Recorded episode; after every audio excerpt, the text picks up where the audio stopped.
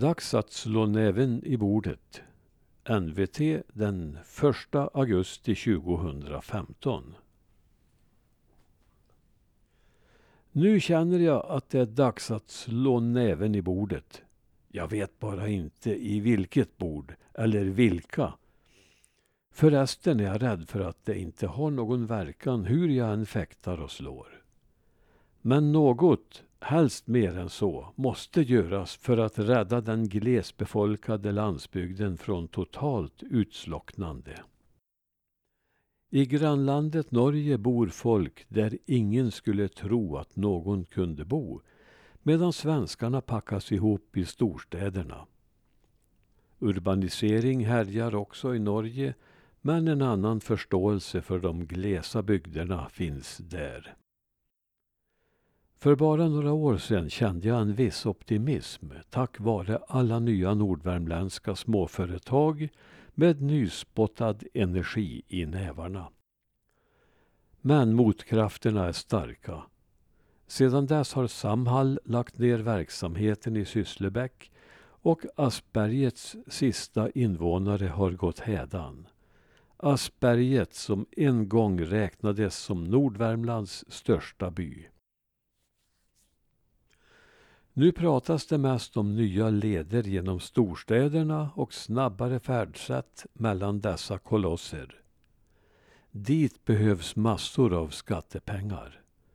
Tågen ska gå snabbast möjligt mellan ändstationerna, helst utan att stanna på mellanliggande stationer. Ännu snabbare skulle väl tågen gå om man slapp tynga dem med passagerare. Det skriks efter nya bostäder i de största tätorterna medan man river lägenheter i Hagfors. Vi nås av uppgifter att Torsby kommun har tappat flest invånare i landet i procent räknat. Kommunalrådet är inte bekymrat, men det kanske hon borde vara. I tidskriften Visit Torsby läser jag att det i Torsby kommun utanför tätorten idag finns 12 lanthandlar. I en turistbroschyr från 1966 redovisas 44 lanthandlar och kiosker bara i Finnskoga-Dalby, den nordligaste delen av kommunen. På 23 ställen i detta område kunde man också tanka, mot sex idag. Fortsatta jämförelser med 1960-talet är föga uppmuntrande. Medan det i den allra första högstadiegruppen på Kvistbergsskolan, klasserna 7, 8, 9, gick 250 elever är antalet nu cirka en femtedel. Går vi tillbaka till 1953 var elevantalet i klasserna 1 till 7 nästan 700 jämfört med mindre än 100 idag. Den folkmängd i gamla Finnskoga Dalby kommun som år 1960 uppgick till 6 599 hade år 2013 sjunkit till 2 041 personer. Raset har pågått en längre tid och satte väl riktig fart i och med mekaniseringen av skogsbruket som kom samtidigt som bönderna uppmuntrades till att plantera igen sina åkrar.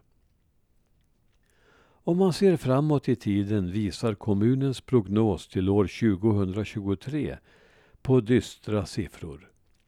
I hela gamla Finnskoga Dalby kommun ska då finnas 1692 personer en fjärdedel av 1960 års nivå.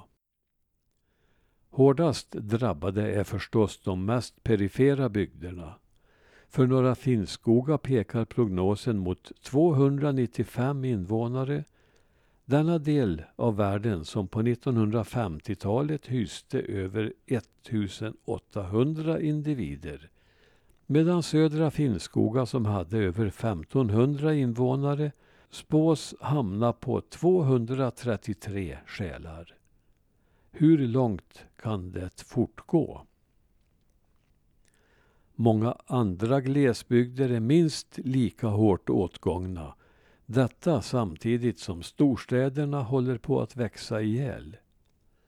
Alla politiker, ni som är så kreativa före valen, skulle inte ni ha på ert ansvar att finna och kämpa för lösningar på detta stora problem? För att storstäderna ska leva måste det också finnas en levande omgivning. Det är ni som ska ge förutsättningarna för alla som är beredda att kämpa vidare utanför tullarna. Det blir allt färre röster att fiska i landsorten men saken berör också i högsta grad städerna. En återgång till gamla tider kan vi kanske inte vänta men möjligheterna att bo i en levande landsbygd måste stärkas. Landsbygdsfrågan borde ligga på varje politikers bord. Tala om var, så kommer jag gärna och slår näven i det.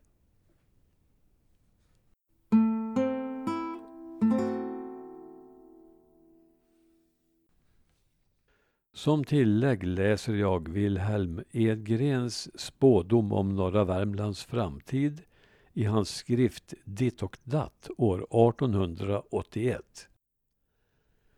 Någon avflyttning i massa från denna trakt är ej att befara, varken nu eller i en framtid. Det förefaller tvärtom som skulle denna ort kunna emotse en lugn och lycklig framtid begåvad som den är med store skogar som i ej avlägsen framtid torde komma att förse trakterna kring Vänern med byggnadsvirke och bränsle.